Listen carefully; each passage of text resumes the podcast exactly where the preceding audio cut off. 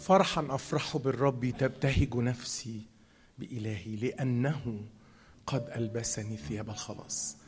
كساني رداء البر مثل عريس يتزين بعمامة ومثل عروس تتزين بحليها. فرحا أفرح بالرب فرحا أفرح بالرب. تبتهج نفسي مش دي تبتهج نفسي. أشعياء 61 10 مش الترنيمة دي.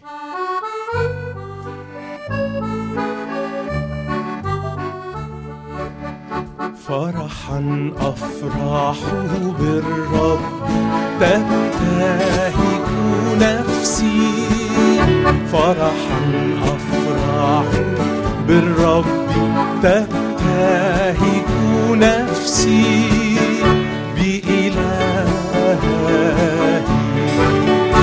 لأنه قد ألبسني ثياب الخلاص. لساني رداء البر مجدا. هللويا هللويا فرح. أفرح بالرب تبتهج نفسي بإله. تعالوا نقف مع بعض وتعالوا نعبر عن هذا الفرح. نعم فالمسيح اليوم قام. تعالوا النهارده نبتهج مش بالحدث مش بالأشياء حتى مش ببعض مع ان دي حاجة كويسة. لكن تعال نفرح بيه هو. ليه بيقول كاتب التاني؟ لأنه قد ألبسني ثياب الخلاص. يا من اكتسيت بثياب الخلاص؟ أنا اشجعك تقول معايا المسيح قام بعديها بس هرنم دلوقتي فرحا أفرح بالرب. مرة كمان اتشجع ورنم معايا. فرحا أفرح بالرب. تبتهج نفس فين الفرح ده؟ فرحا أفرح بالرب. تبتهج نفس بإلهي بإله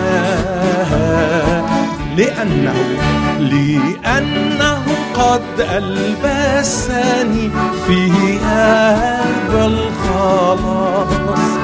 كساني رداء البر مجدا هللويا هللويا فرحا أفرح بالرب.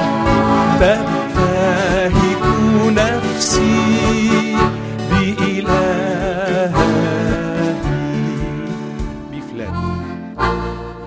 المسيح اليوم قام. ها هللويا فازا بالظفر ها هللويا بعد حرب وصدام ها هللويا مع عدو البشري هللويا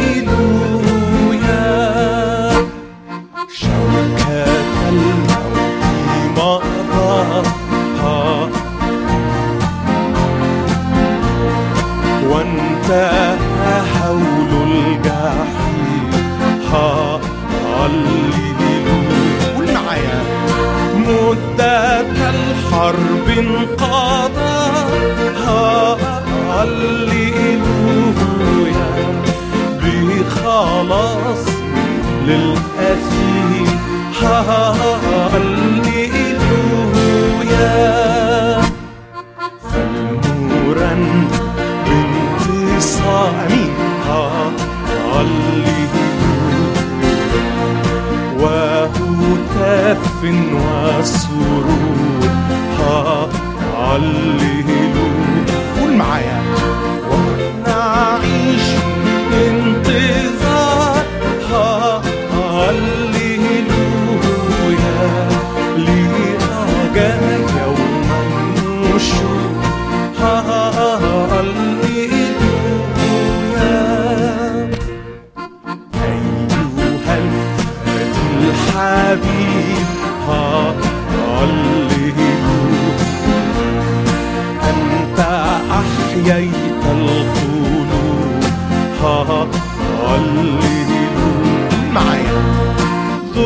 ألم الصليب هللويا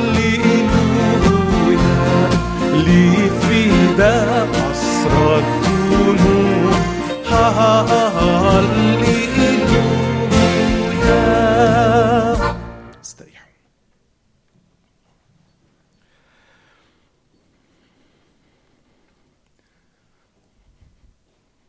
القيامة مش مجرد عيد. القيامة حياة. والناس اللي فاهمين ده مش بيفتكروها من السنة للسنة. لكن ده بيفتكروها في كل يوم في كل نفس طالع وداخل في كل خطوة وفيما بين الخطوات. القيامة فرق بين مؤمن والتاني. المؤمن اللي هو مع المسيح في قيامته مؤمن عايش حياة بعلو معين. أفكاره في السماويات قلبه في السماويات أمور حياته كلها في العالي في القيامة. هرن معاكم ترنيمة بتقول الكلام ده. كاتب الترنيمة فيها بيتكلم عن شخص المسيح بيقول له أفرحنا بيك طول الطريق. مش بالأشياء أفرح ما فوق حيث المسيح جالس. أفرحنا بيك. وأخد وراها الترنيمة اللي بتقول شكرا لله الذي يقودنا في موكب النصر.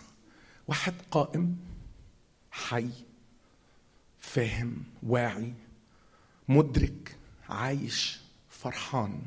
أنا أدعوك إلى هذا النوع من الحياة. بي فلات ماينر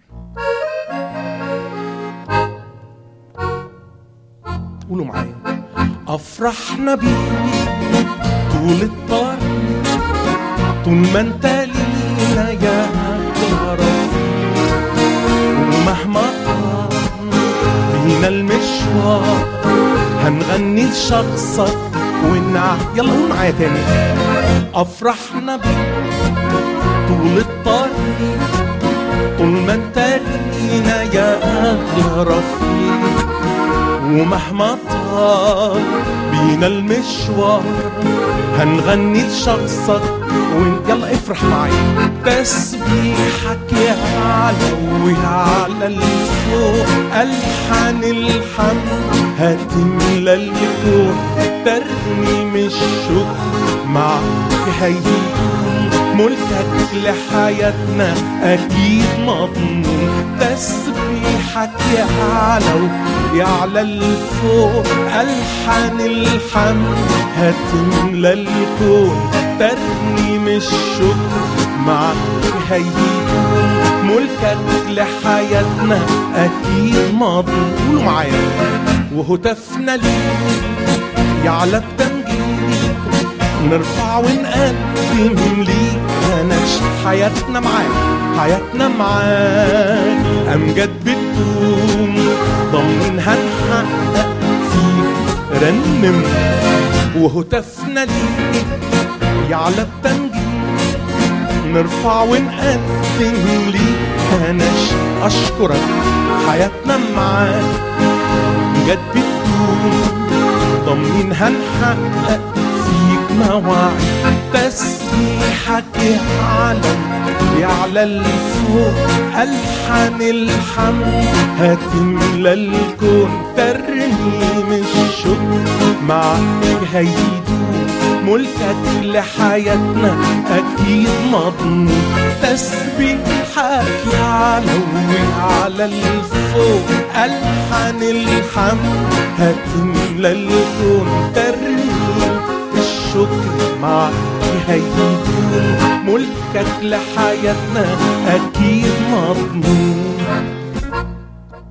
شكرا لله الذي يقودنا. نعم في موكب النصرة كل حين كفقراء لا شيء لنا. ونحن نبني نبني وكمان مرة. شكرا لله الذي يقودنا في موكب النصرة كل حين كفقراء لا شيء لنا. نحن نبني نبني كثير إذ نسعى عنه كسفراء كأن الله يعظ بنا لكي يكون ولا نكتفى من كل نعمة نعمة وغنى شكرا لله الذي يقودنا. موكب النصرة. لا شيء لنا ونحن نغني نغ آخر عدد. اطلبوا الرب. اطلبوا الرب. ما دام يوجد. ادعوه دوما فهو قادر. ما تخافش. يعطي المعيا. المعيا قدرة. لعديم القوة يكفر شدة. شكرا لله الذي يقودنا. في موكب النصرة كل كفقراء لا شيء لنا ونحن نغني آخر مرة. شكرا لله الذي يقودنا في موكب النصرة كل حين كفقراء لا شيء لنا ونحن نغني نغني كثيرين كفقراء لا شيء لنا ونحن نغني كثيرين. دي حالة قيامة. حالة قيامة إنه ممكن يكون اللي قدامك أغنى ماليا لكن أنت أغنى روحيا. أغنى ومستغني عن حاجات كتير في الحياة. من الحاجات اللي, اللي يمكن الناس بتتمناها وتقعد تحلم بيها. وأنت؟ في حال القيامة شايف إن كل الحاجات دي زي ما واحد شافها قال أحسبها نفاية. يعني زبالة الزبالة بواقي الزبالة. وأنا أشجعك أشجعك إن الرب النهاردة يظبط المفاهيم يصحح يصحح المقاييس. أحيانا بنقيس بمقاييس غلط فيطلع قياسنا غلط. لو سألت حد من الجماعة المهندسين دول ربنا يجعل كلامنا خفيف عليهم. يعني لو سألته قلت له جربت مرة تقيس بقياس غلط بمقياس غلط بحاجة مش مظبوطة. جربت تقيس بقياسات بتاعه حاجات مش مش ستاندرد يقول لك آه تحصل أحيانا حتى الشريط اللي بيقيسوا بيه ده مع كتر الوقت بيحصل له زي بيحصل له تمدد أحيانا يبوظ المقاييس ما يطلعهاش دقيقة. وهكذا. النهارده نفسي الرب يدينا مقاييس مختلفة. الترنيمة اللي يمكن تكون بالأخيرة فرصة الترنيمة الأولانية أو قبل الأخيرة مش عارف. أشوف أولها بيقول كده عالي لفوق أنا رافع إيدي. عندك ملكي وعزي وسيدي. دي ترنيمة ترنيمة قيامة. إيه؟ ده إحنا فاكرين إن الموقف ده بتاع إبراهيم في في تكوين 14 لما بيقول بيقول لملك سدوم رفعت يدي لله العلي لأخذن منك لا خيطا ولا شراكا. فعلا. بس كاتب الترنيمة بيقول له بعز أنا مش عايز حاجة إن كانت مش راح ترضيك. دي حالة قيامة. وأنا هشجعك قوي النهاردة تقول له كده. وبعز أنا مش عايز حاجة أنا مستغني عن كل حاجة أنت مش عايزها. أبدا ولا يغنيني. نجيب البيج اللي وراها. أبدا ولا يغنيني. ولا يشبع قلبي ويرويني. ولا يملى عينيا ويكفيني. غير بس اللي تجود بيه إيديك. أنا مش هرضى غير باللي يرضيك. دي قيامة. كم واحد عارف الترنيمة دي؟ ليه كده؟ ليه كده؟ زعلتوني صح. طيب أنا هرنم وبعدين شوف لو أنت حبيت ت join join ما حبيتش join please يلا بينا. D flat عالي الفوق أنا رافع إيدي. عندك ملكي وعزي وسيدي. وبعز أنا مش عايز حاجة. إن كانت مش راح ترضيك وبعز أنا مش عايز حاجة.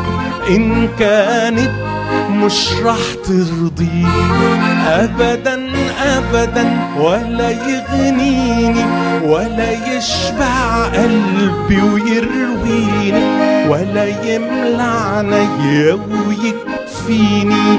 غير بس اللي تجود بايديك ابدا ابدا ولا يغنيني ولا يشبع قلبي ويرويني ولا يملى عينيا ويكفيني غير بس اللي تجود بايديك رافع ايدي بفرحة وبعلن أنت يا صاحب الوعد بتضمن إنك تصنع للي فعلا.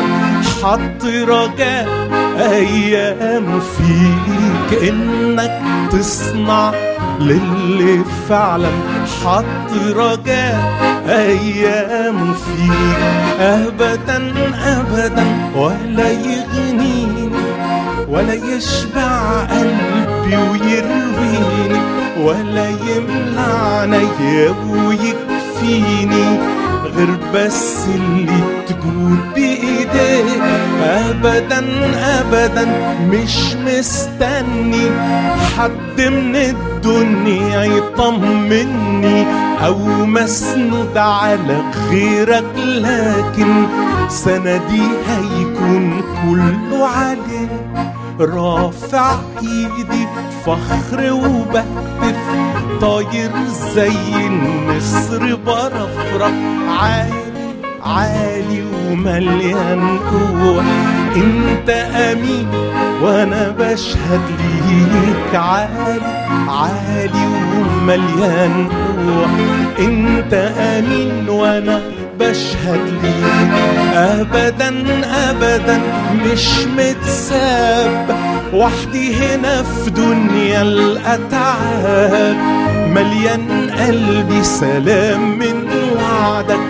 رب المجد بذاته حنين ابدا ابدا مش متساب وحدي هنا في دنيا الأتعاب. مليان قلبي سلام من وعدك. رب المجد بذاته حنين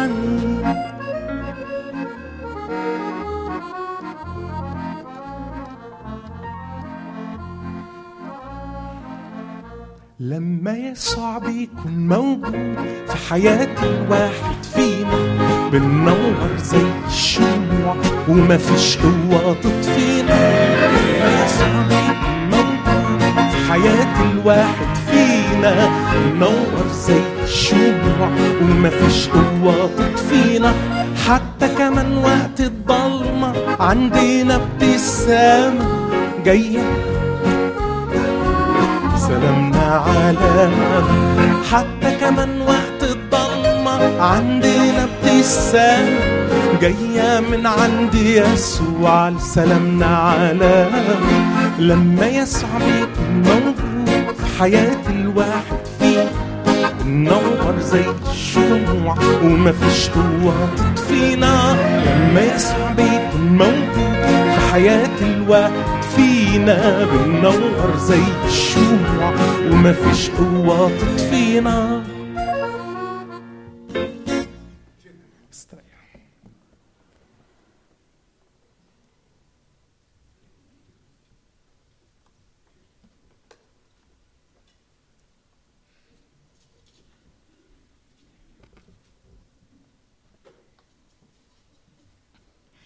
Today we celebrate um, Christ's resurrection, and it's full of a, a day of celebration and life and um, gratitude to all He's done for us. I want to share from Ephesians 3, verse 16. I pray that out of His glorious riches He may strengthen you with power through His Spirit in your inner being, so that Christ may dwell in your hearts through faith. And I pray that you, being rooted and established in love, may have power, together with his saints, to grasp how wide and how long and how high and how deep is the love of Christ, and to know this love that surpasses knowledge, that you may be filled to the measure of all the fullness of God. And I pray today as we dwell on his his death and his resurrection for us that we can dwell on how wide and how long and how high and how deep is the love of Christ. Let's stand together as we sing How Deep the Father's Love for Us.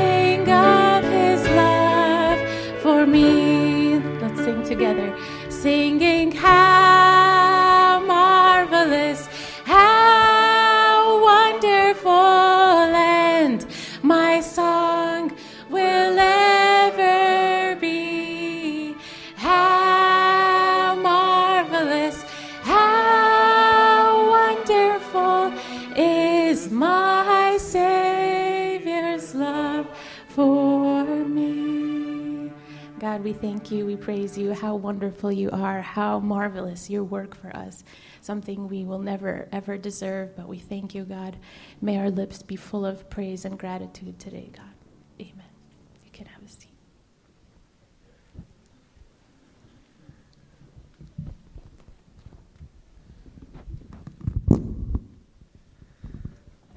Masih It says, uh, the Lord has risen. He is risen. In case you don't know. Uh, hey, happy Easter. It's a beautiful Sunday morning. The weather is finally nice out, so I'm, I'm so glad that we're not in the snow right now. Um, so it's, it's a privilege to be here and to be able to share something that God has put on my heart. And I feel like it, what, when I come up here, I just share with you what God is sharing with me. So I just, this, is, this is what God is teaching me this morning. Um, so last year, I felt like God was teaching me hey, Jesus has risen.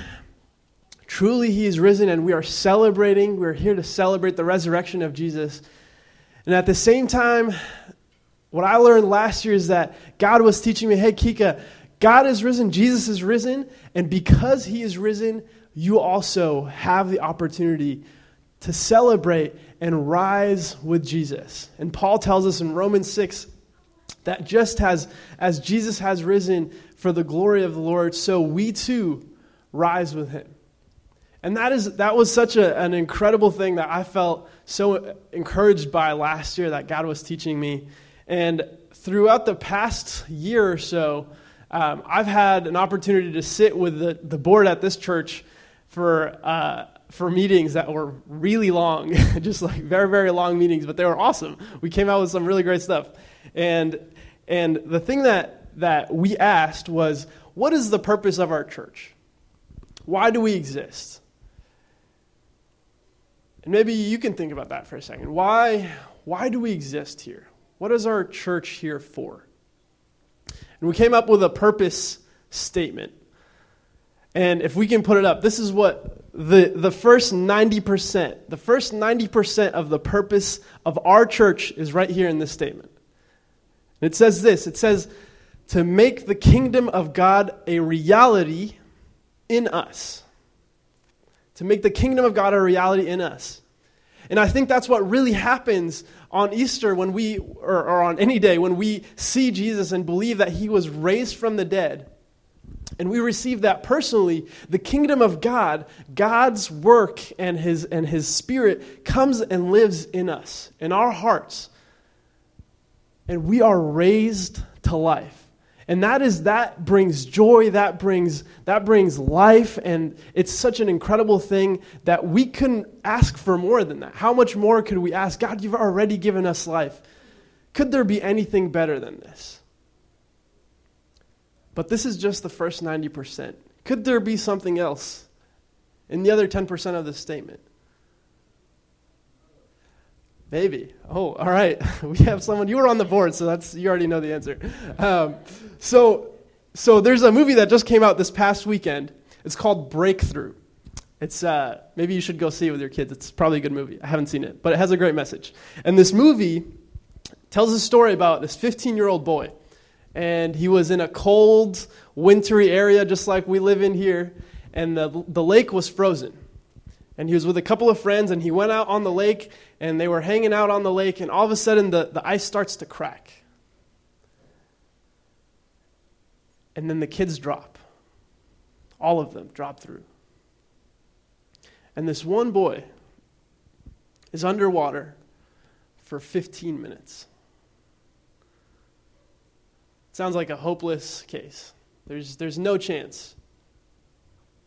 15 minutes later, uh, a crew of rescue divers come and they, they dive down and they recover his body and they rush him to the hospital, and his mom is there. And the doctors say there's, there's really nothing we can do. So they start to pray. She starts to pray and she says, You know, I know that you're saying this, but I'm going to pray. I, I believe in Jesus. I believe in God. God, you can do incredible things. And she prays for, for her son. And her whole entire team of, of people, her, her friends, her community, they start to pray for her son. And miraculously, God does a miracle and brings him back to life. I won't spoil the rest of the story. I've already spoiled most of it, but I won't spoil the rest of it for you. And uh, but here's a question that I think this boy asked after he came back. That I think is a question that many people who, who come to a near death experience, maybe some of you in this room have felt like, yeah, at one point in my life, I almost died.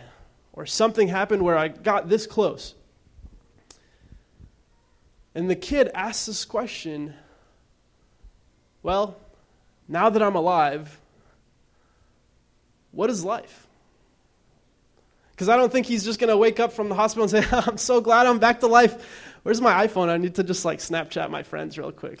hey, psych, April Fools, I'm still alive.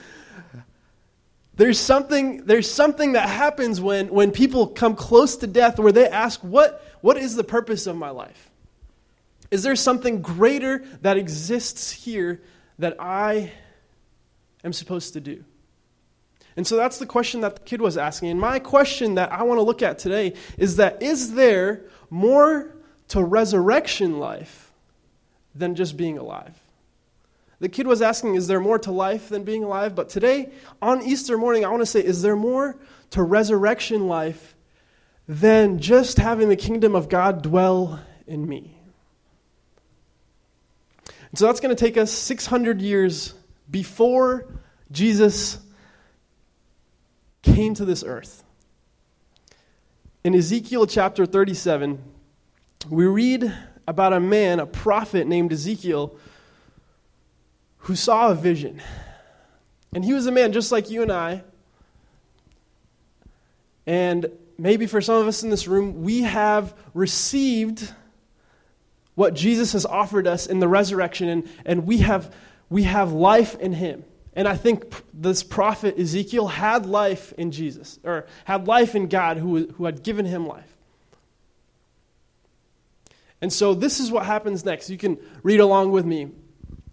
God, God is telling Ezekiel, Ezekiel, I'm going to bring you to this, to this dry valley. And he takes him to this dry valley and he sees a valley of dry bones. A hopeless scene, dead and desolate. And as Ezekiel is looking at this, probably feeling like there is no hope for anything over here to, to have life, God tells him to say these things to the dry bones.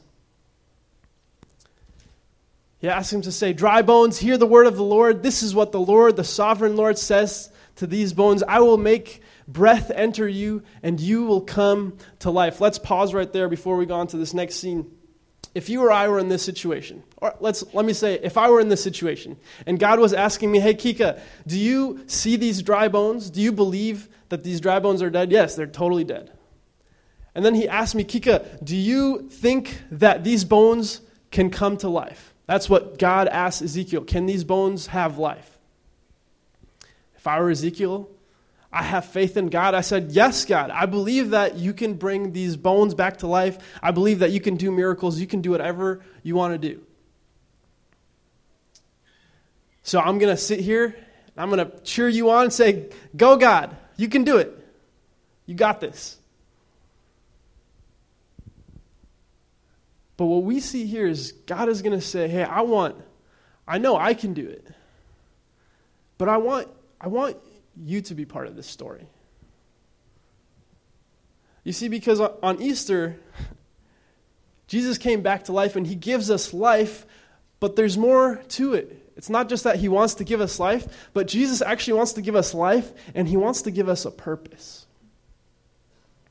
And so Ezekiel says, "Okay, God, I believe in you." And Jesus and God says, "Hey, I actually want to do this through you. I'm not just going to do it myself. I want to do it through you." So I want you, Ezekiel, to say these words because I'm going to use you. So I'm going to want you to say, go ahead, say, dry bones, hear the word of the Lord. This is what the sovereign Lord says to these bones. I will make breath enter you and you will come to life. We can keep going. And then he says, I will attach tendons to you and make flesh come upon, upon you and cover you with skin. And I will breathe into you and you will come to life. Then you will know that I am the Lord. And then this is verse 10. We'll skip ahead to verse 10. This is what it says next. It says, So I prophesied as he commanded me, and breath entered them. And they came to life and stood up on their feet, a vast army. See, Ezekiel believed in God. Ezekiel had God living in him. The kingdom of God was, was living in Ezekiel. And maybe, like many of us, we, we have said, Jesus, I believe in you. I have your life living in me. But, but do you believe that God wants more than just life in you? That He loves you so much that He gave you life, but He also wants to give you purpose. He wants to give you a purpose here on this earth just like Ezekiel. Not only was he believing in God, that yes, God, I believe in the resurrection, I believe that you can do this, but he also was able to be part of the team. He had a purpose. He, he can make a significant impact. And what I want to challenge us this morning with is, is Easter is about Jesus. And that is the centerpiece. That is why we have him here. He has been raised from the dead. But also, as he's raised from the dead, we are raised from the dead and we have life and purpose. This morning, I want to challenge each of us what is the purpose that God is putting on, on our life on Easter morning? Because he wants, to, he wants to make a significant impact in your life so that you can make a significant, significant impact in the lives of others all around you. And Ezekiel sees this, this valley of dry bones come to life, and it looks like an army. And I look out here, and this looks like an army. this looks like an army of people who are ready to, to, to receive their purpose, their, to receive their life, and go make a difference. The, the last 10% of the purpose of our church is through us. Not only do we want to make the kingdom of God a reality in us, but we want to be an army of people who receive what God has for us and do what only He can do through us. This Easter morning, that is my challenge to every single one of us. Where, where is, is the impact that God has you? in your circle of friends at school, in your circle of people that you work with, in your circle of your family at home? How can you make a significant impact on the people all around you? Because God didn't just come to give us life so we can sit on a bench. God gave us life so we can have a purpose and a meaning, and we get to be on His team. Will you pray with me? God, we thank you that not only did you stop at giving us life, but you also wanted to give us purpose. That, God, there is so much more for us in store than just coming and receiving. But God, you have given us so much. God, how can we how can we stop at just receiving? God, help us to move. Help us to be an army that is equipped with your love and your truth. God, help us to go out proclaiming your truth and presenting your love. God is that is the purpose that you have given us here as a church, as a community, God, on this day on Easter to say, God, we don't want to just receive, we want to give back. We want to show your love to our community, to our people, to immigrants who are coming in, to people in West Roxbury, to all around, Lord. We want to be used by you. We thank you for setting the example for us. God, that you didn't just sit up there in heaven and watch us, but God, you came down. You stepped into our world. And you made a significant impact in our lives. And God, that is the example that you're setting for each one of us to step into the world where you have, have given us purpose. We thank you for all that you've already done and that you will do in us and through us this year. It's in your name we pray. Amen.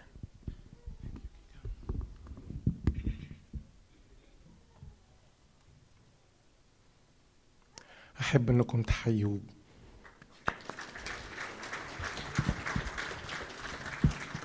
وأنا بجهز الترانيم للخدمة دي ربنا راح حاطط ترنيمة كده كانت بالنسبة لي غريبة دي مش ترنيمة قيامة وملهاش كتير بالقيامة اسمها أؤمر بالحياة. طلعوها لي هي موجودة عندكم. أنا واستغربت جدا استغربت جدا إنه يعني الروح القدس حطها قدامي. دي ترنيمة تكريس وصلاة و... وترنيمة ما خدتش نصيب كبير من الشهرة و... مش كتير ناس رنموها و... ترنيمة تقيلة في كلامها و... بتشاور على الناس بتقول لهم أنتم تقدروا تقوموا من يبس العظام بقيامة للحياة. أنا قلت له يا رب الناس بتزعل من الكلام ده بس أنا هسمع كلامك. وحطيتها في في البرنامج. أنا عارف إنها مش معروفة ومش مشهورة بس عايزك تسمع ده. أنا عددين عشان الوقت. من التلاتة وشوفوا اللي بيصلي الترنيمة دي بيقول إيه في الكلام اللي كنت كنا بنسمعه من دقيقة. شوفوا شوفوا الخط الخط اللي ماشي فيه كاتب الكلمات دي مع اللي كان بيقوله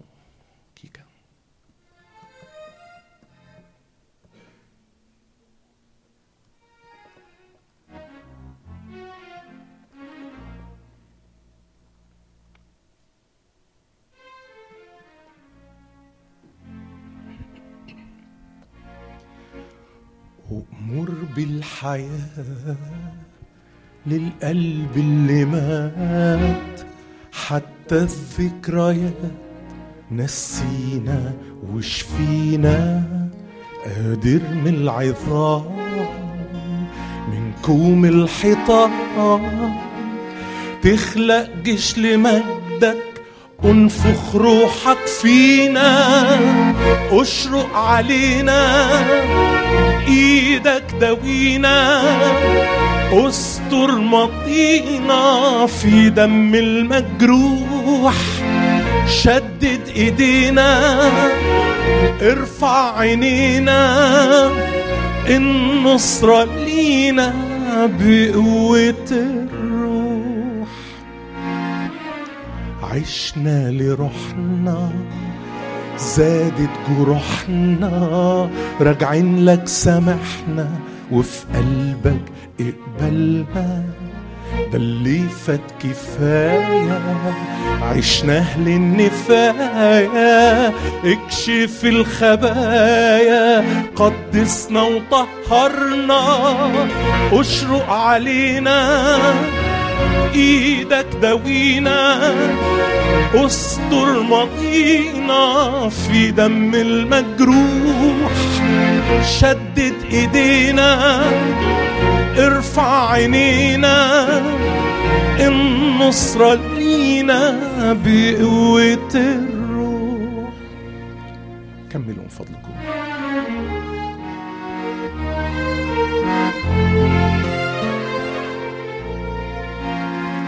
رجانا في إيدك وفي قوة صليبك نادينا نجيلك عالمية مشينا نتغير لصورتك ونفرح في قربك.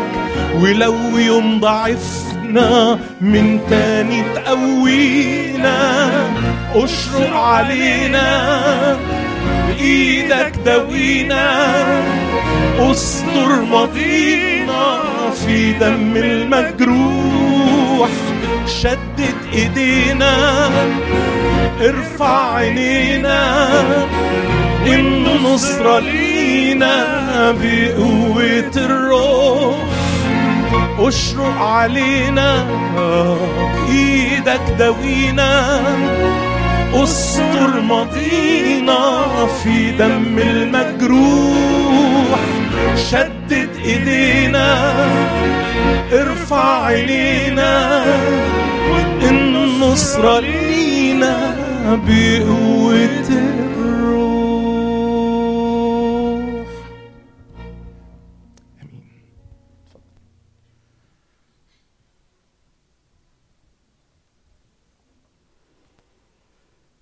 كل سنة وانتم طيبين.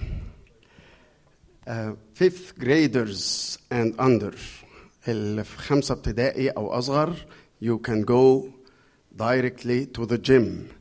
You have a special program at the gym so you can be dismissed now. ما يلا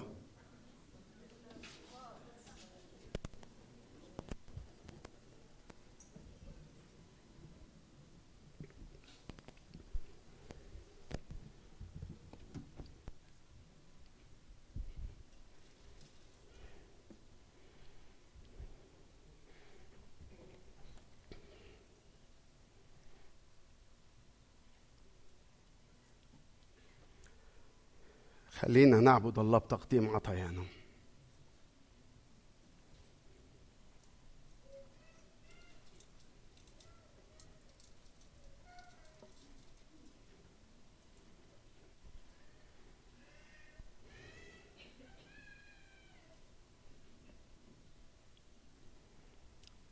أثناء جمع العطايا آم، هعلن بعض الإعلانات فمن فضلكم ادوني تركيزكم. بعد كده شارك بالكلمة. اجتماع السيدات عندهم احتفال القيامة هيكون يوم 27 أبريل. 27 أبريل السبت الجاي الساعة 10 ونص ومؤتمرهم هيكون 25 مايو.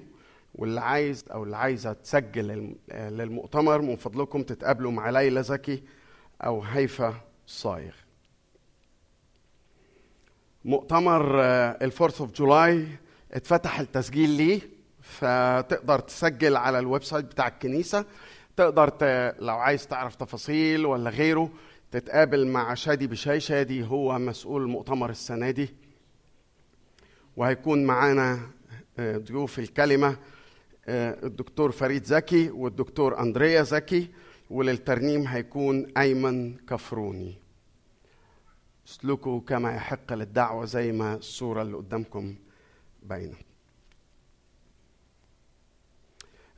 مدارس الأحد ومدرسين مدارس الأحد بيدعوا الآباء والأمهات لاجتماع علشان نتكلم عن يعني تنشئة عيالنا وإزاي نبقى أكثر انخراطا في حياتهم. فده هيبقى الاجتماع ده يوم 12 مايو واحدة الظهر تحت. في الدور التحتاني. مدارس الأحد اللي بتخدم فصول مدارس اللي بتخ- بتخدم يوم الجمعة محتاجين متطوعين يا جماعة محتاجين متطوعين ومحتاجين مساعدين. آه، لو حبيت أو حبيتي وإحنا محتاجين بجد يعني فلو حبيت أو حبيتي لو سمحت تقابل مع جيني دوس بعد الاجتماع. للتنسيق. يا ناس إحنا اعلنا قبل كده عن الخدمة بتاعة ال parking وإحنا عندنا مشاكل فيها. فلو سمحت نمرة ماريو قدامك اهي.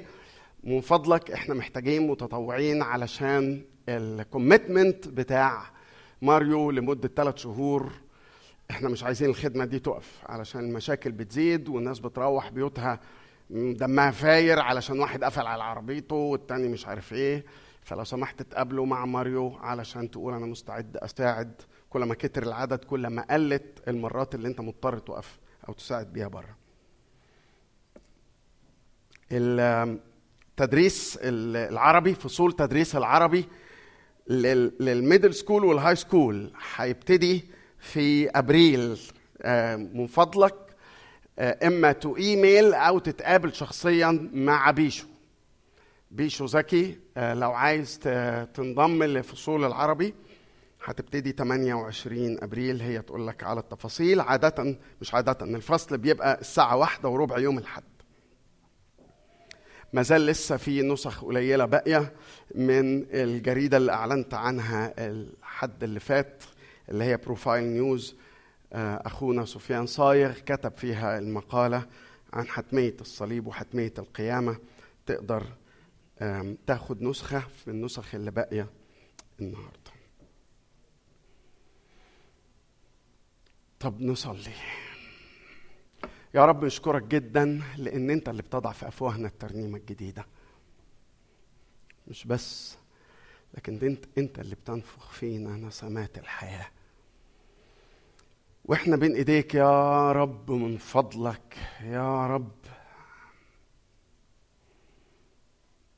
حرك الساكن اللي اتعودنا على انه ساكن وحرك اليابس اللي حتى يئسنا يمكن من انه تدب فيه الحياة من تاني. لأجل يسوع المسيح المقام وباسم يسوع المسيح المقام تطلق قوة قيامتك فينا يا رب. فنصير جيش عظيم لأجل المدينة ولأجل الناس الغلابة. ولاجل الناس المحتاجة لنورك ولحياتك فيهم. في اسم المسيح آمين.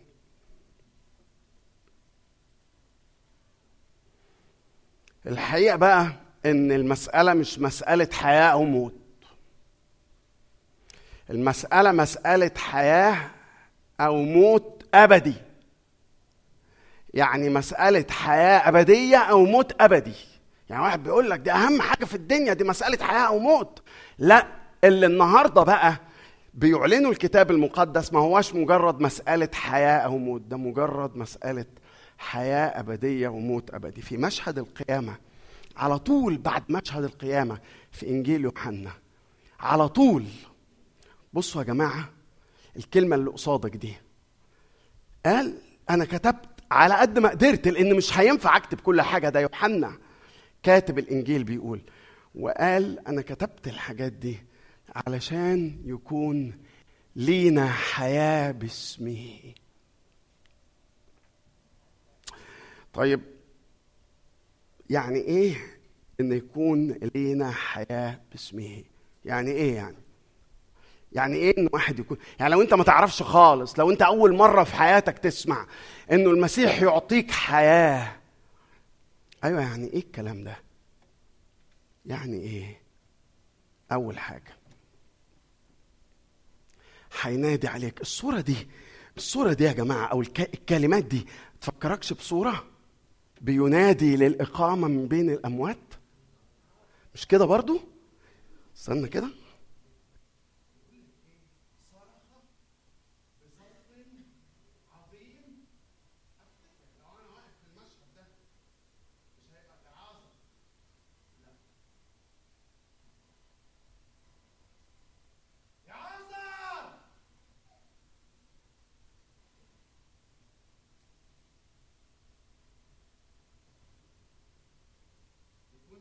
ان ده ده عليك انت.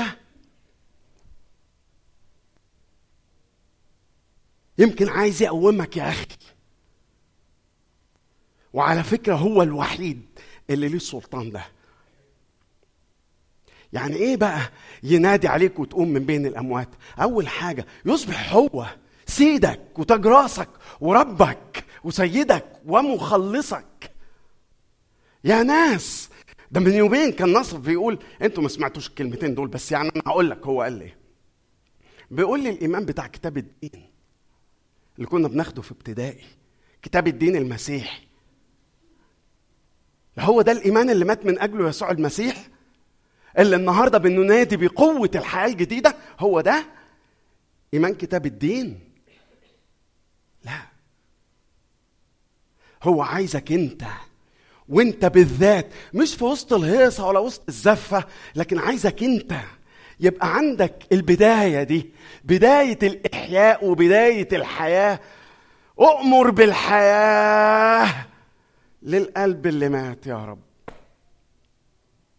على فكرة هو مستعد يعني مش محتاج محايلة كتير. هو بيحب يعمل كده. يحب ينادي على العازر ويحب ينادي عليك ويحب ينادي عليكي بس الحدوتة ما بتخلصش هنا.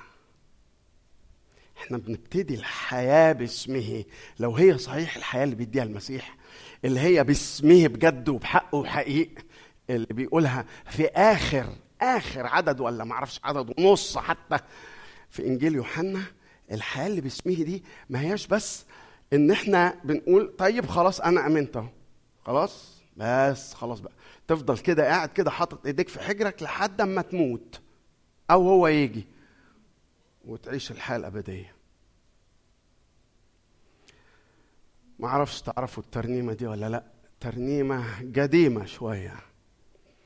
بتقول يا إلهي ذا دعائي أن تعرفني المزيد عن حياتي. كيف تنمو في المسيح وتزيد؟ نعمة تزداد عمقا في محبة الإله. أدي الحياة يا عم ولا بلاش؟ مش واحد كده وطى راسه وخلصنا لما كان في تالتة إعدادي؟ وبعد كده عايش لايك هيل دي مش حياة. الحياة اللي هو بيقدمها يناديك تقوم من الموت. يصبح هو الرب. وتنمو فيه. وتعرف حبه زياده وزيادة. وزيادة. قبل ما أكمل من فضلك حتى اسمع معايا بس. اسمع معايا الكلمات دي. يقول إيه في إنجيل يوحنا؟ لما كانت عشية ذلك اليوم هو أول الأسبوع كانت الأبواب مغلقة حيث كان التلاميذ مجتمعين لسبب الخوف يعني مليانين خوف لسبب الخوف من اليهود. جاء يسوع ووقف في الوسط وقال لهم سلام لكم. لما قال هذا أراهم يديه وجنبه أراهم يديه وجنبه. ففرح التلاميذ إذ رأوا الرب. فقال لهم يسوع أيضا سلام لكم كما أرسلني الآب أرسلكم أنا. اسمع أما توما أحد العشر أحد الاثنى عشر الذي يقال له التوأم فلم يكن معهم حين جاء يسوع فقال له التلاميذ الآخرون قد رأينا الرب؟ فقال لهم لا اديما إن لم أبصر في يديه أثر المسامير وأضع إصبعي في أثر المسامير وأضع يدي في جنبه لا أؤمن. بعد ثمانية أيام كان تلاميذ تلاميذه أيضا داخلا وتوما معهم. فجاء يسوع والأبواب مغلقة ووقف في الوسط وقال سلام لكم. ثم قال لتوما هات إصبعك إلى هنا وابصر يدي. هات يدك وضعها في جنبي ولا تكن غير مؤمن بل مؤمنا. أجاب توما وقال له ربي وإلهي. قال له يسوع لأنك رأيتني يا توما آمنت. طوبى للذين آمنوا ولم يروا ده الإيمان. الإيمان اللي يقوى على الشك الإيمان اللي يقوى على الموت الإيمان اللي مش مجرد نظري موجود ومكتوب في كتاب الدين لكنه يعبر أو يعبر عنه بهذه الصرخة هات يا توما إيدك وهات إصبعك. عارفين يا ناس إن ربي والهي دي بالذات؟ عارفين إن هي دي مش مش لا لا لا مش أول مرة المرة الوحيدة المرة الوحيدة اللي واحد فيها يخاطب يسوع المسيح. يعني إحنا جه آيات كثيرة عن يسوع المسيح على إنه الله لكن إن واحد يخاطب المسيح على إنه الله هي دي. في لحظة إعلان القيامة لما تتفتح عينيك لما انفتحت جوه في قلبي عيون نور لما عينيك تشوف يسوع المقام من بين الأموات ويسجد وخلي بالك عشان تعرف إنه مش إيمان كتاب الدين ما قالهاش بانفصال كده ببرودة. ربي! مش وسط الزفة. وإلهي.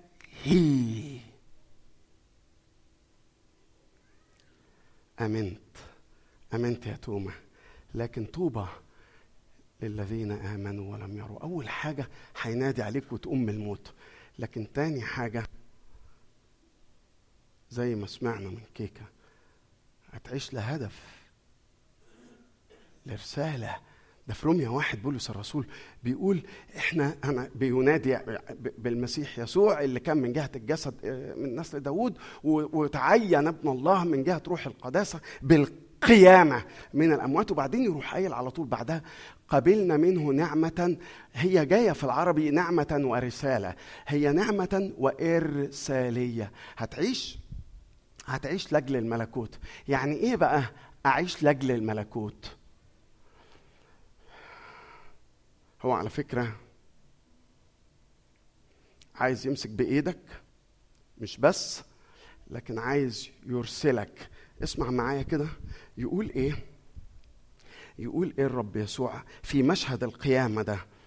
يقول قال لهم يسوع أيضا سلام لكم كما أرسلني الآب أرسلكم أنا. يعني الحدوتة مش فكرة إنه ينادي بس عليك من الموت. دي يا دوب نقطة البداية رغم قوتها والمجد اللي فيها والعظمة اللي فيها لازم لازم قوة إلهية تدب فيا علشان أقوم من بين الأموات. لكن أنا مش بقومك من بين الأموات وتفضل قاعد حاطط إيديك في حجرك لحد ما تموت أو لما المسيح يجي. قبلنا نعمة وإرسالية. فقال لهم بالظبط كما أرسلني أرسلكم. بنفس الإرسالية اللي أنا جيت علشانها لنداء بالحياة للناس. أما أنت يا ابن آدم تنبأ تنبأ على العظام. إحنا بس لما عينينا تتفتح يا ناس يا هو. لما نخرج بره روحنا بس شوية حت سنتيمتر بس. اخرج بره روحك بس يعني سنتيمتر كده. آه. مش بس في أربيل. أربيل ده كان كرامة وشرف لينا. لكن على أولة الشارع ولا بره الباب ولا يمكن في بعض الأوقات على سلم الكنيسة. لولا أن نعيد لكان الواحد يلطم. لازم نعمل حاجة يا ناس. لازم نعمل حاجة. لو إحنا مصدقين في القيامة بس مش إيمان كتاب الدين يبقى لازم نشهد وهو بيقعد كما أرسل روحوا وكما أرسل. أنا اللي بقول لك روح. أرسلكم أرسلكم أنا. وعد بالبركة وعد بالفرح بفرح الإرسالية. تصدقوا تصدقوا. أنا بيني وبينك يعني عشان ما أتكلمش بثقة قوي كده وأعمل فيها معلم يعني أفتكر إنها يمكن المرة الوحيدة اللي جت في الأناجيل. عن يسوع إن هو فرح. تهلل تهلل بالروح لما خرجوا. لما أرسل التلاميذ. تهلل بالروح. لما شاف التلاميذ حاملين رسالة. مش عايشين لروحهم أو عايشين بس عشان يبعدوا عن الخطية ويعيشوا كويسين ويحضروا في المجمع يوم السبت. هو يعطي البركة هو يعطي الفرح هو يعطي السلام هو يعطي التأييد هو يعطي القوة هو يملأ فمك. بس انت افغر فمك ومالكش دعوة. لا تقل إني ولد يا ارميا يا باشا. ما تقوليش إنك ولد يا ارميايا أنا عندي ليكي وعندي ليك. ارساليه كبيرة قوي ده يا ناس وصدقوني من غير ترتيب. أنا لا كنت عارف. دلوقتي هو ما بيراجعش معايا قبل ما بي لما كان كان بيقول. دلوقتي عنده حد تاني يتكلم معاه. وده طبعا شيء جميل. صدقني ما كنت عارف. دي يا جماعة الرؤية. يعني يعني أرجوك ها؟ يعني اعمل معروف. اعمل معروف اوعى تنسى اوعى تنسى. ده اللي ده اللي اتفقنا عليه. ده اللي اتفقنا عليه عشان ما يبقاش حبر على ورق عشان ما يبقاش مجرد اجتماعات وخلاص. اوعى تنسى في يوم من الأيام ان الكنيسة لازم هتعيش الرؤية دي. ملك الله ملك الله. واضح فينا ويغير حوالينا واضح فينا. ويغير حوالينا علشان نعلن حقه ونقدم حبه. يبقى ملك الله مش بس فكرة kingdom لكن kingship سيادة الله ربي إلهي سيادة الله. اللي بتحركني في شغلي وسيادة الله اللي بتحركني في الكنيسة وسيادة الله اللي بتحركني وأنا بتخانق مع منال وسيادة الله اللي بتحركني في كل لحظة وفي كل وقت. ملك الله. فينا. ولو هو واضح فينا بالشكل ده أكيد هيغير حوالينا. فنقدر نقدم محبته. ونقدر نقدم حقه أو نعلن حقه. أنا عايزك بس تتفرج على الصورة دي. بص اتفرج كده. إيه رأيك في الحياة دي؟ أنا أفتكر لو بصيت على الحياة تلاقيها جميلة. مش كده؟ تلاقيها حياة متوازنة. تلاقيها حياة كاملة. حياة باسمه المفروض إنها تنادي بالقيامة من بين الأموات. يعني إيه بالقيام يعني هو السيد يعني إحنا بننمو في المسيح وتزيد. وكمان هنعيش لأجل رسالة لأجل هدف. بص الحياة هعيش لأجل رسالة. هو ماسك إيدي في إيده في كل خطوة. وأقدم رسالة المسيح وأقدم رسالة الحياة. تحب تعيش ده؟ دي حياة جميلة قوي. إحنا مشكلتنا إن إحنا بتهيأ لنا إن هي أول حد بتاع المربع الرفنطع المسلوع اللي فوق ده إن هو بس أنت تقول إنه قبلت الرب يسوع مخلص شخصي وخلصنا على كده بس على كده. وحتى لما بنيجي نقدم للناس الحياة بنقول له بس أنت بس وط كده معايا وط معاه واقبل وخلصنا على كده. أدي دي كل حاجة مطلوبة منك. بصوا الح... بصوا غناها بصوا جمالها بصوا روعتها. في القيامة من بين الأموات وهو واقف مع التلاميذ بينادي بالحياة. لما كانت عشية ذلك اليوم وهو أول الأسبوع وكانت الأبواب مغلقة حيث كان التلاميذ مجتمعين لسبب الخوف من اليهود جاء يسوع. وقف في الوسط قال لهم سلام لكم. أراهم يديه وجنبه ففرح التلاميذ إذ رأوا الرب. وقال لهم كما أرسلني الآب أرسلكم أنا أختم بحتة صغيرة قوي من كتاب اللي هو بتاع C.S. Lewis اسمه The Weight of Glory ثقل المجد. بيقول إيه؟ بيقول إذا أدركنا الوعود الجريئة كلمة يعني إذا أدركنا الوعود الجريئة في الكتاب المقدس لوجدنا أن اشتياقاتنا للبركة ليست قوية بالقدر الكافي بل هي في الحقيقة ضعيفة للغاية. نحن نعيش حياتنا معه بنصف قلب منشغلين بحماقة باللذات والطموحات الذاتية الأنانية. مشكلتنا الحقيقية إنه للأسف ما يسهل جدا إرضائنا بأتفه وأبسط الأشياء. كل سنة وأنتم طيبين خلينا نصلي. خلينا نصلي وخلينا نقول له يا رب إحنا عايزين الحياة الجميلة بتاعتك دي. حياة باسمك يا رب حياة حياة للقلب اللي مات حياة تفرحنا بيها تنعشنا بيها وتستخدمنا لأجل مجدك ونعيش للملكوت يا رب. انفخ روحك فينا شددنا وقوينا اشرق علينا بإشراقة هذا القبر الفارغ قوة القيامة يا رب. اشرق علينا يا رب يا رب يا رب. على اللي فينا يائس على اللي فينا بيغني ويقول عشنا لروحنا عشنا لروحنا. يا رب عيشنا للرسالة عيشنا للرسالة وللهدف كما أرسلني الآب. أرسلكم.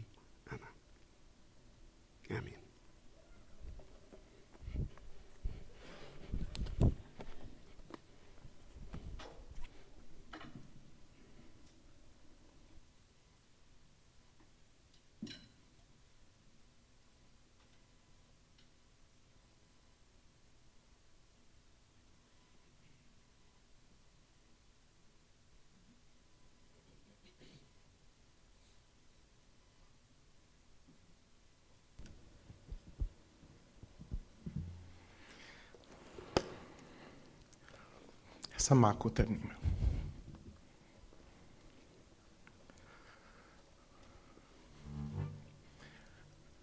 كاتب الترنيمة اللي جاية بيتكلم بعمق اللي كنا بنسمع فيه من شوية عن شغل ربنا بالوحدة اللي اسمها الإنسان المؤمن. ولو في واحد فينا. ولو في واحد فينا ما عندوش هذا الإدراك يفضل إيمانه عبارة عن إيمان بتاع ابتدائي من كتاب الدين. أنت مش موجود هنا لأننا نأكل ونشرب فغدا نموت. خالص. ما الحاجات اللي مش إنسان كده؟ أمال أنت عملت اللي عملته ده يا رب ليه؟ عملته عشان أعمل من كل إنسان قبل عظمة عمل المسيح. أحقق فيه وبيه قصد كبير. لو أنت ما فهمتوش تفضل طول عمرك يوم بيزق التاني. ولو فهمته تعيش لهذا القصد. فرحان مرفوع متشجع متعزي والرب بيتممه كل يوم في حياتك. ترنيمه بتقول كده انت ليك قصد في حياتي. اسمعها بس اسمعها بس اسمعها بس.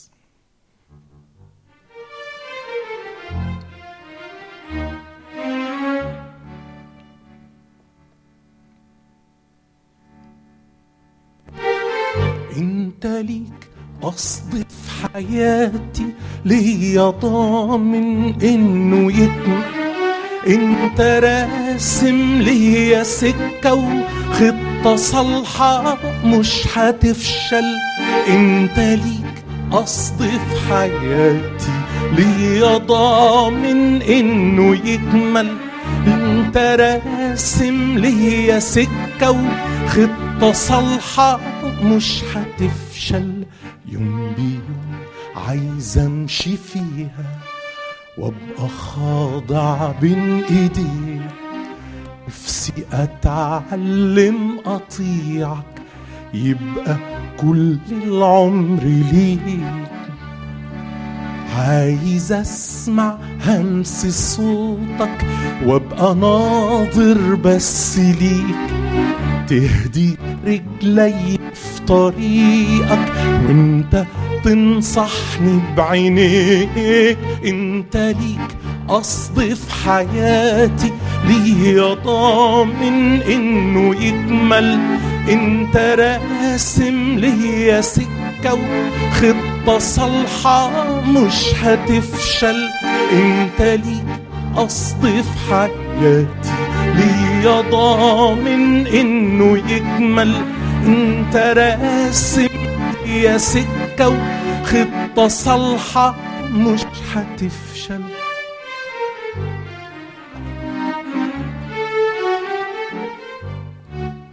كل يوم راح أبقى جنبك وأترمي في حضنك وادوب راسي أسند جنب قلبك عن خطايا يتوب منك انت الحكمة نازلة تديها من غير حدود.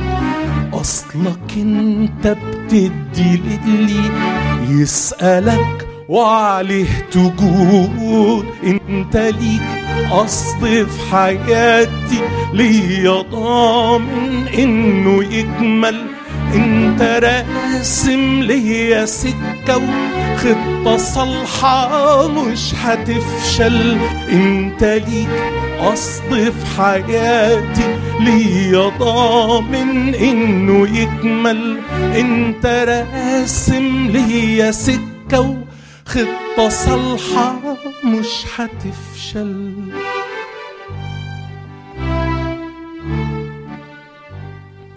هل فيك يرون يسوع؟ هل فيك يرون يسوع؟ G major الهج به دوما كن عبدا يطوب حتى يروا فيك يسوع. في سيرك. في سيرك في ذي الحياة سوف تراك الجموع عش طاهرا روحا جسد حتى يروا فيك يسوع هل فيك يرون يسوع هل فيك يرون يسوع الهج به دوما كن عبدا يطوع حتى يروا فيك يسوع. حياتك أمامهم سفر كذاك المطبوع هل للسماء تقودهم لما رأوا فيك يسوع؟ هل فيك يرون يسوع؟ هل فيك يرون يسوع الهج به دوما كن عبدا يطوع حتى يروا فيك يسوع الترنيمة اللي جاية ترنيمة بتقول إن المسيح قام أه تحبوا تدوني وقت قد إيه؟ أشكر ربنا مش بيردوا أروح؟ ها؟ أه؟ عشر دقايق؟ ساعتين هو استخسار. طيب أنا هاخد ساعة من دلوقتي ربع ساعة. تلت نص مين يزود؟ طيب طيب حاضر. خلاص جاء أنا مالي. عشرين دقيقة. عايز أرنم معاكم ترنيمة بتقول كده. بتقول يسوع حي فيا. B flat major كاتب الترنيمة دي بيرنم الترنيمة بنشيد. مش بيفتكرها كل سنة بيرنمها بنشيد. شكرا. عنده سبب. يقول فذاك ربي الذي سكناه في قلبي. ده أنا مش بفتكره كل عيد لكن ده أنا هفضل فأغلبه وأنشد وأنشده. يسوع حي فيا ذا ضمان نصرتي قررها بيقول كده. ذا ضمان نصرتي. ده نشيد غلبتي وذا ضمان نصرتي. يسوع حي فيا تعالوا نقف سوا.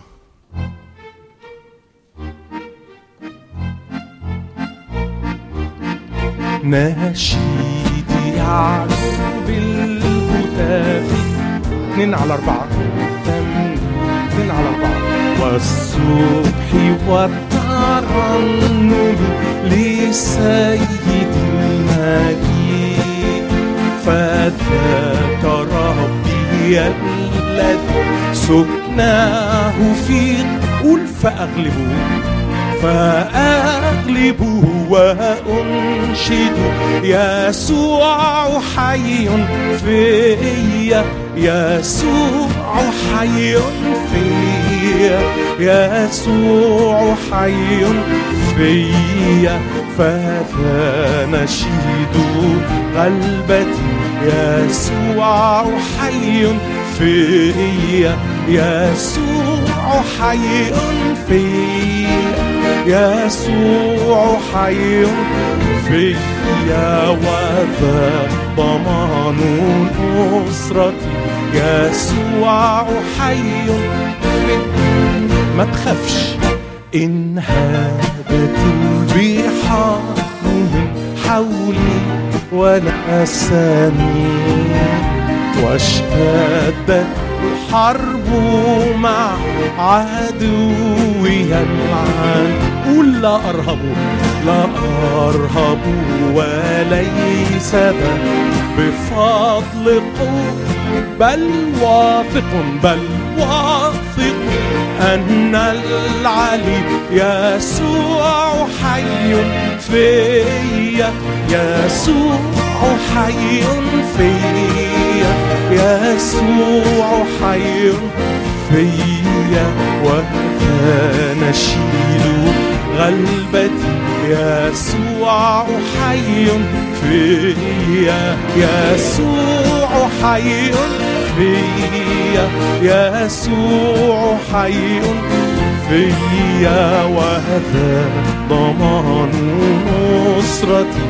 يسوع حي في أنتوا رنموا أنتوا رنموا يا أيها الحي الذي حي في داخلي. نعم. ما دمت حيا سيدي فلا انكسار لي. شكرا لك في موكب نصري تقودني. يبقى شعاري يبقى شعاري دائما يسوع حي فيا يسوع حي فيا يسوع حي فيا فنشيد غلبتي يسوع حي فيا. يسوع حي فيا.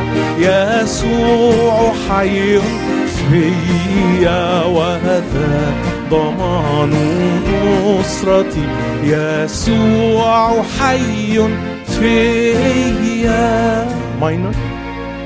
بعلن إيماني شايف إلهي للسلطان. للسلطان ومن أمامي ينقل جبالي بالإيمان. قول معايا أنا هفرح واهتف مجدا ليك مجدا ليك مجدا ليك. أنا هفرح واهتف مجدا ليك مجدا ليك مجدا ليك.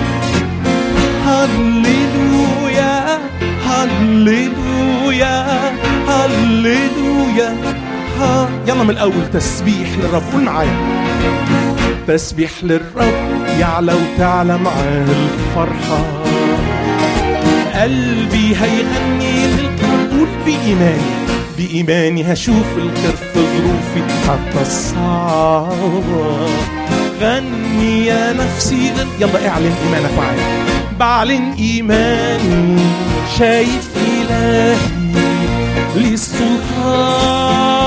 للسلطان ومن أمامي نعم ينقل جبالي بالإيمان بالإيمان أنا هفرح واهتف مجدا ليك مجدا ليك مجدا ليك. أنا هفرح واهتف مجدا ليك مجدا ليك مجدا ليك.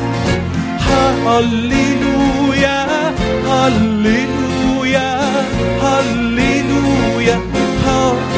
تعالى قول معايا بعلن يسوع ملك. بعلن يسوع ملك واحد على كل حياتي غني يا نفسي للمسيح. وبصوت الحمد رح أشهد له تثبت صلاتي آمين.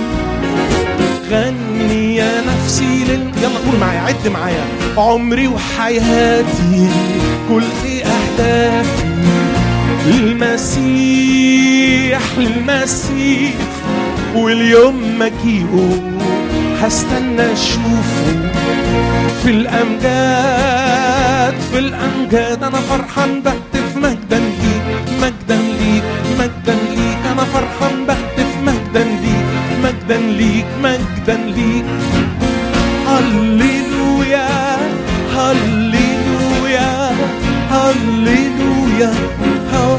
مرة هنقول عمري وحياتي. يلا قول معايا. عمري وحياتي كل أهدافي. للمسيح للمسيح. واليوم مجيئه هستنى أشوفه. في الأمجاد في الأمجاد. أنا فرحان بهتف مجدا ليك مجدا ليك مجدا ليك. أنا فرحان بهتف مجدا ليك مجدا ليك مجدا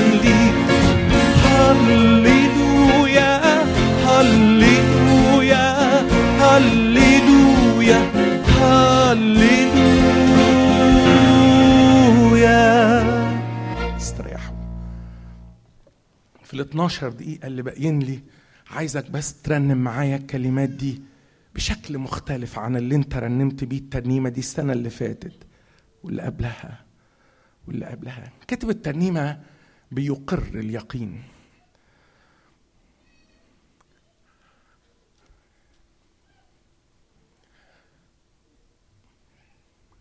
لما يبقى في حق وفي واحد لا يعترف بيه في يوم من الأيام ده ما يغيرش الحق. وما يقللش منه. ولو انت عندك الإيمان المسيحي النظري اللي كنا بنسمع عن المشكلة دي فيه في الخدمة اللي فاتت لو انت عندك الإيمان النظري أو الإيمان اللي خدته من الآباء الآية مش بتقول أما كل الذين ولدوا في في بيوت مسيحية بقيوا أولاد الله. لكن الآية بتقول صراحة أما كل الذين قابلوا الرب يسوع المسيح أعطاهم سلطانا أن يصيروا أولاد الله أي المؤمنين باسمه. دول دول دول اللي عايشين حياة القيامة. مش الناس اللي اتولدوا في بيوت مسيحية. ولما حد يجي لا بلاش حد لما عدو الخير يجي يسألك هو أنت ليه مسيحي؟ اوعى تقول عشان أنا اتولدت في بيت مسيحي. مش دي الإجابة دي الإجابة بتاعت كتاب الدين. لكن عايز الإيمان اليقين؟ قول أنا مسيحي لأني قبلت عظمة عمل المسيح في حياتي موته وقيامته. وده اللي يديك السبب النهارده؟ ليه في ناس ما اتولدوش في بيوت مسيحية النهارده وبيقبلوا المسيح؟ بقيوا في المسيح مش مجرد في المسيحية لكن في المسيح. هو في فرق كبير شاسع وبين. الترنيمه اللي جاية كاتبها بيقول كده المسيح قام بالحقيقة قام. لو كان صليبك مجرد هتقولي العدد اللي بيقول لو كان صليبك أنهى قصة لو كانت القصة لو هي الحكاية مجرد قصة لو كانت هي حكاية كانت سطور للتاريخ لو كانت مجرد درس في كتاب الدين لو كانت القصة مجرد مجرد شكل خارجي ل لفكرة لقصة لشخصية في يوم من الأيام جت للتاريخ. أو جت في التاريخ. لكن أنا أنا أؤكد ليك النهارده اللي مش قادر يدرك عظمة مصانع المسيح بصليبه وقيامته. الشخص ده مجرد إن هو في المسيحيه أبعد ما يكون عن في المسيح المسيح قام. سي مويمر المسيح قام بالحقيقة قام. قول معايا. المسيح قام بالحقيقة قام. حمل أحزاننا غفر آثامنا بجلدته الشفاء وهو نبع السلام. المسيح قام بالحقيقة قام. قول تاني. المسيح قام بالحقيقة قام. شوكة الموت كسر لما قام وانتصر. فأنار الطريق وأزال الظلام. المسيح قام بالحقيقة قام. المسيح قام بالحقيقة قام. لو كان صليبك أنهى قصة حبك لما كنت الآن أحيا أهتف المسيح قام. المسيح قام بالحقيقة قام. المسيح قام بالحقيقة قام. لي أن أمكث بائسا في الكل قول معايا. وشمس الرجاء لاح والرب المسيح قول يا شعب الرب. المسيح قام بالحقيقة قام. المسيح قام بالحقيقة قام. إيه إخريستوس أنستي إليسوس إيه أنستي المسيح قام بالحقيقة قام. يلي غلبت الموت بقيامتك واديت لي حياة. هنعمل حاجة في السبع دقايق اللي باقيين لي هنرنم الترنيمة دي. هسمعكم ترنيمة وهنختم بترنيمة بتقول يا يا كنيسة افرحي جاي المسيح. ثلاث ترانيم شدوا حلقة هاخد عددين من الترنيمة دي عشان الوقت. يا كل خايف يا كل منزعج يا كل مش عارف يطبق أمور الله وعظمته في حياته. يا كل إنسان شايف إن الكنيسة المسيحية تختزل الاجتماع في كنيسة يوم الحد أو طقس أو عيد في السنة مرة واتنين. يا كل إنسان مش عارف عظمة ما صنع المسيح مش للمسيحية لكن للذين هم في المسيح. كاتب الترنيمة دي بيقول كده يلي غلبت الموت بقيامتك وديت لي حياة. يلا تشجع ورنم معايا. قولوا معايا. يلي غلبت الموت بقيامتك وديت لي حياة. قلبي بيسكن محمي في سترك بعد ما ضل وتاه مش ممكن هيخاف ولا يقلق طول ما انت بترعاه ليك المجد وليك القوة يا يسوع يا الله.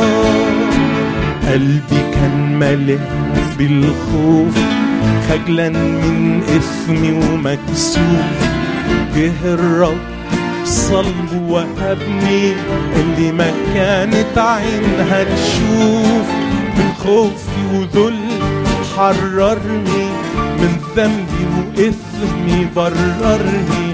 وقلبي صار لي يغني ويسبح في علا قولوا معايا قولوا معايا.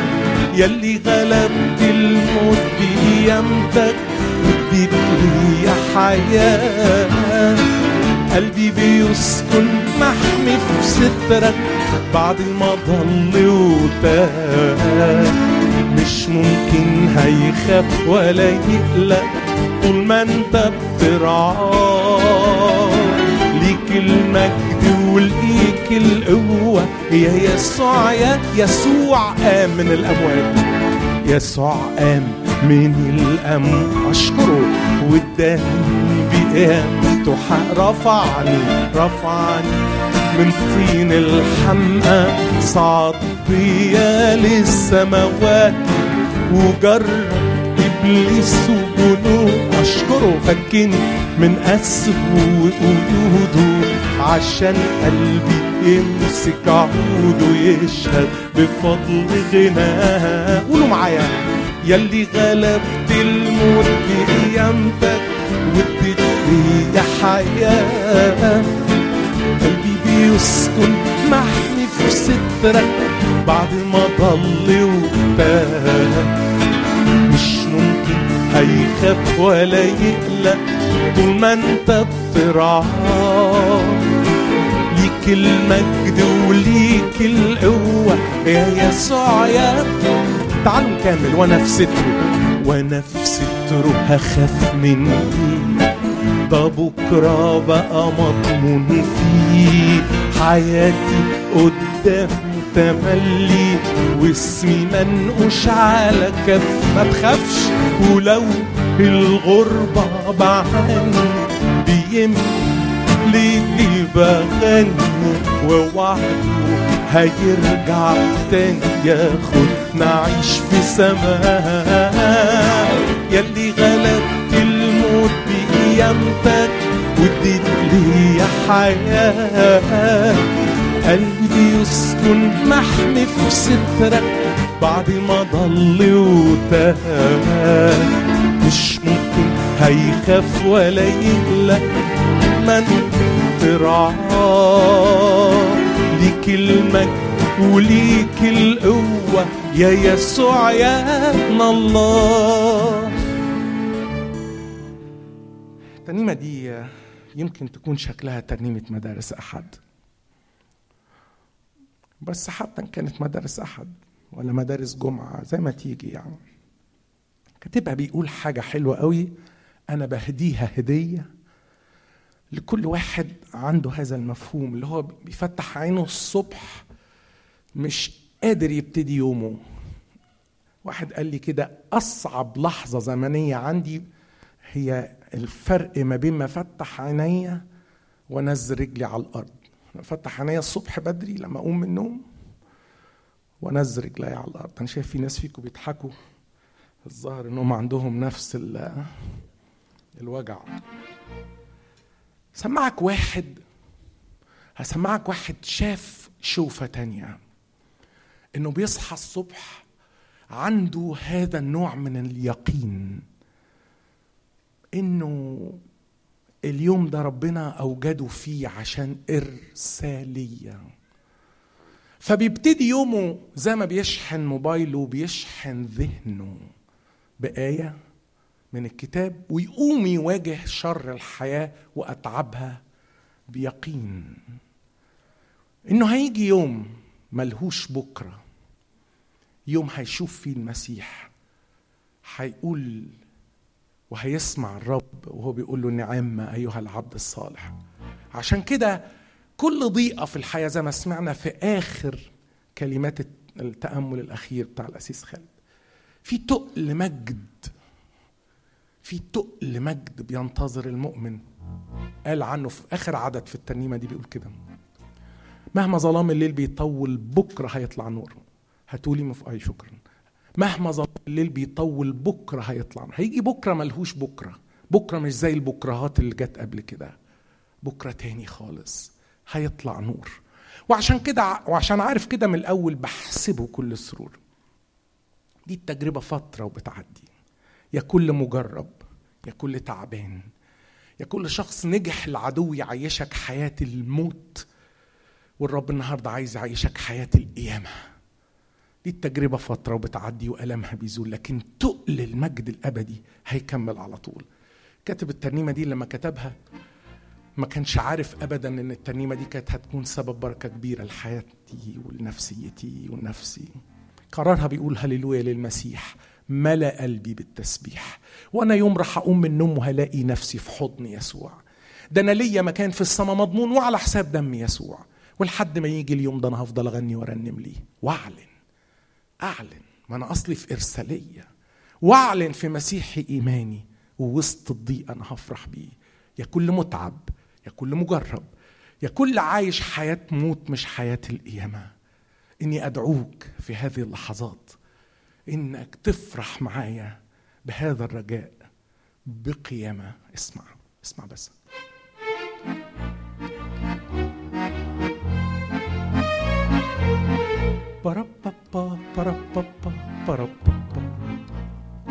أكتر حاجة بحب أعملها وأبتدي بيها اليوم. إني أسبح اسم إلهي لما أصحى من النوم. واشكر ربي لأنه حفظني وعدى عليا الليل. واشبع لما أصحى على صورته وعلى وجهه الجميل. هللويا هللويا للمسيح. هللويا ملا قلبي بالتسبيح وأنا يوم راح اقوم من النوم وهلاقي نفسي في حضن يسوع. ده أنا ليا مكان في السما مضمون وعلى حساب دم يسوع. ولحد ما يجي اليوم ده أنا هفضل أغني وأرنم ليه. وأعلن في مسيح إيماني وسط الضيق أنا هفرح بيه. بربابا بربابا بصحى وشاعر لي بالجوع من بعد سواد الليل. معايا كتابي وبقفل بابي وأقرأ في الإنجيل. وأشبع بحبيبي وبكلامه وأرتوي مليم وأخرج واخرج أواجه شر العالم وأغلب باسم يسوع. هللويا هللويا للمسيح. هللويا ملأ قلبي بالتسبيح وأنا يوم راح أقوم من النوم وهلاقي نفسي في حضن يسوع. ده أنا ليا مكان في السما مضمون وعلى حساب دم يسوع. ولحد ما يجي اليوم ده أنا أفضل أغني وأرنم ليه. وأعلن في مسيح إيماني وسط الضيق أنا أفرح بيه. بربابا بربابا بربابا مهما ظلام الليل بيطول بكرة هيطلع نور. وعشان عارف كده من الأول بحسبه بكل سرور. دي التجربة فترة وبتعدي وألمها بيزول. مهما ظلام الليل بيطول بكرة هيطلع نور. وعشان عارف كده من الأول بحسبه كل سرور. دي التجربة فترة وبتعدي وألمها بيزول. لكن تقل المجد الأبدي هيكمل على طول. هللويا. هللويا المسيح هللويا. ملأ قلبي بالتسبيح وده يوم راح أقوم من النوم وهلاقي نفسي في حضن يسوع. ده أنا ليا مكان في السما مضمون وعلى حساب دم يسوع. ولحد ما يجي اليوم ده أنا أفضل أغني وأرنم ليه وأعلن في مسيح إيماني وسط الضيق أنا أفرح بيه. بربابا بربابا بربابا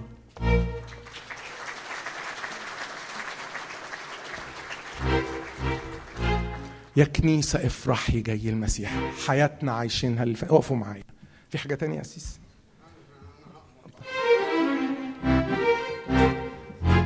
حياتنا عايشينها للي فدانا نستنى يجي بنور ويملانا والأيام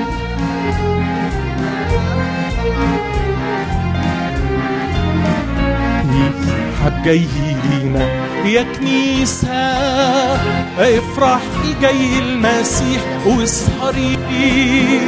نوري بالمصابيح والبسي. بالفرح وبالتسبيح والمسيح. عالسحاب جاي لينا أرضنا. في أواخر الأيام والعلامات بتخبر قبل الكلام والمكتوب نوره يكشف الظلام والمسيح قال وما خب علينا يا كنيسة افرحي جاي المسيح واسهري نوري بالمصابيح والبسي بالفرح وبالتسبيح والمسيح. عالسحاب جاي لينا والدموع ما تخافش. هو بإيده هيمسحها والأجساد نورانية هنلبسها والأكاليل قدام عرشه هنطرحها والمسيح مجده هيملى عينينا يا كنيسة افرحي جاي المسيح واسهري. نوري بالمصابيح والبسي. بالفرح وبالتسبيح والمسيح. عس يلا قولوا له معايا. ونعيش له بقلوبنا في السماء. كل يوم لمجيئه يقربنا والغربة لسه بتشوقنا والمسيح هو كلنا لينا يا كنيسة افرحي جاي المسيح واسهري نوري بالمصابيح والبسي بالفرح وبالتسبيح والمسيح. آخر مرة. يا كنيسة افرحي جاي المسيح واسهري. نوري بالمصابيح والبسي. بالفرح وبالتسبيح والمسيح. عالسحاب جاي لينا. نشكر ربنا قوي قوي قوي من أجل اليومين دول كل سنة وأنتم طيبين. آه، قسيس حنا الحمد لله على السلامة. عايزينك تيجي تختم الاجتماع بالصلاة بس تقل رجلك علشان في ترنيمة جديدة لانج لسه ما حدش رنمها ولا سمعها عايزين نرنمها ونختم بيها. بتقول لا مش المؤمن الأمين أنا اللي أختار. رسالة أعطيتني يا سيدي لسه طالعة لانج بشوكها فتعالوا يا روز اعملي معروف نرنم رسالة. وناصف وهو بيعلمنا الترنيمة دي؟ كان غالبا قبل السبي الأشوري. بيقول بص بيقول لك إيه؟ إن ظننت أن حبي كامل يبقى أكيد مش كامل زده.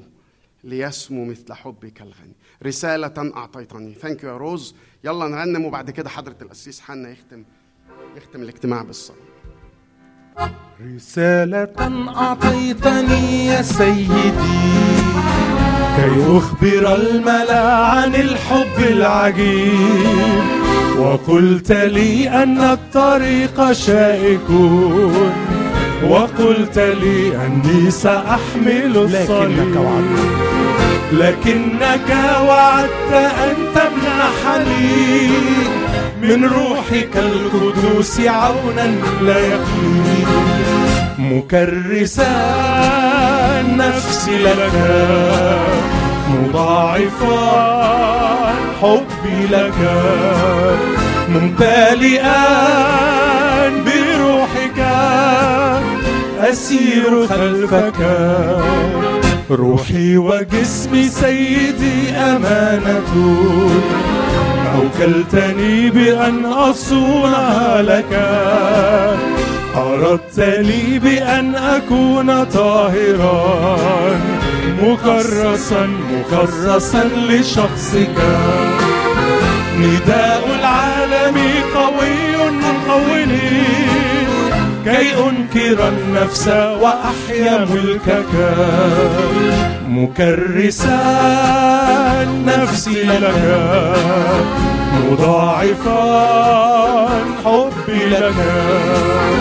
ممتلئا بروحك أسير خلفك. إن فطرت يوما لك محبتي أو إن أنا أنكرتك التفت إلي. بعيني ألا تبتغي دنيا الغنى. بل باكيا أجدد العهد الوفي وإن ظننت أن حبي كامل زده زده ليسمو مثل حبك الغني. مكرسا نفسي لك مضاعفا حبي لك. ممتلئا بروحك أسير خلفك.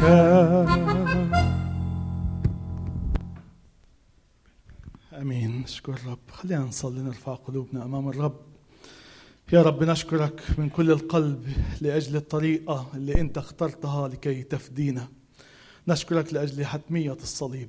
دم يسوع المسيح معروف قبل تأسيس العالم. نشكرك سيدي لأجل الفداء. فتحت فعلا عيون قلوبنا لكي نراك ولكي نعرفك ولكي نختبرك. نشكرك لأن الصليب لم يكن النهاية ولكن نشكرك لأجل فجر القيامة. نشكرك لأنك فعلا أنت هو القيامة والحياة ولأنك قمت أقمتنا معك. أنا حي فأنتم ستحيون. به كانت الحياة والحياة نور. شكرا يا رب لأنك أشرقت في قلوبنا وجعلتنا أن نختبر أحلى حياة ونتمتع بأحلى وأجمل علاقة معك. ونشكرك يا رب لأنه لم يعد هناك أي شيء يستطيع أن يغلبنا حتى الموت. فالقبر لم يعد مقر وإنما ممر. ونستطيع أن نصرخ أين شوكتك يا موت؟ أين غلبتك يا هاوية؟ نشكرك لأجل الرجاء ونشكرك لأجل الحياة ونشكرك لأجل الأمل حتى في أصعب ظروف الحياة ولأن يسوعنا قد قام سوف نقوم معه. ساعدنا يا ربي ككنيسة وكأفراد وكعائلات أن نعيش حياتنا لك يسوعنا. يا من أعطيت حياتك لأجل كل واحد فينا. ساعدنا أن نشرق بنور القيامة أينما كنا ونعكس محبتك. نحبك يا رب. زد محبتنا لإلك في كل يوم من أيامات حياتنا. حتى نعيش غربتنا لك. حتى في ذاك اليوم عندما تنتهي الرحلة هنا نسمع ذاك الصوت العظيم الجميل. نعمت أيها العبد الصالح والأمين. كنت أمين في القليل. أقيمك على الكثير. ادخل إلى فرح سيدك. أما الآن أحبائي نعمة ربنا يسوع المسيح محبة الله الآب وشركة الروح القدس تكون معكم وتمكث فيكم من الآن وإلى الأبد آمين, آمين.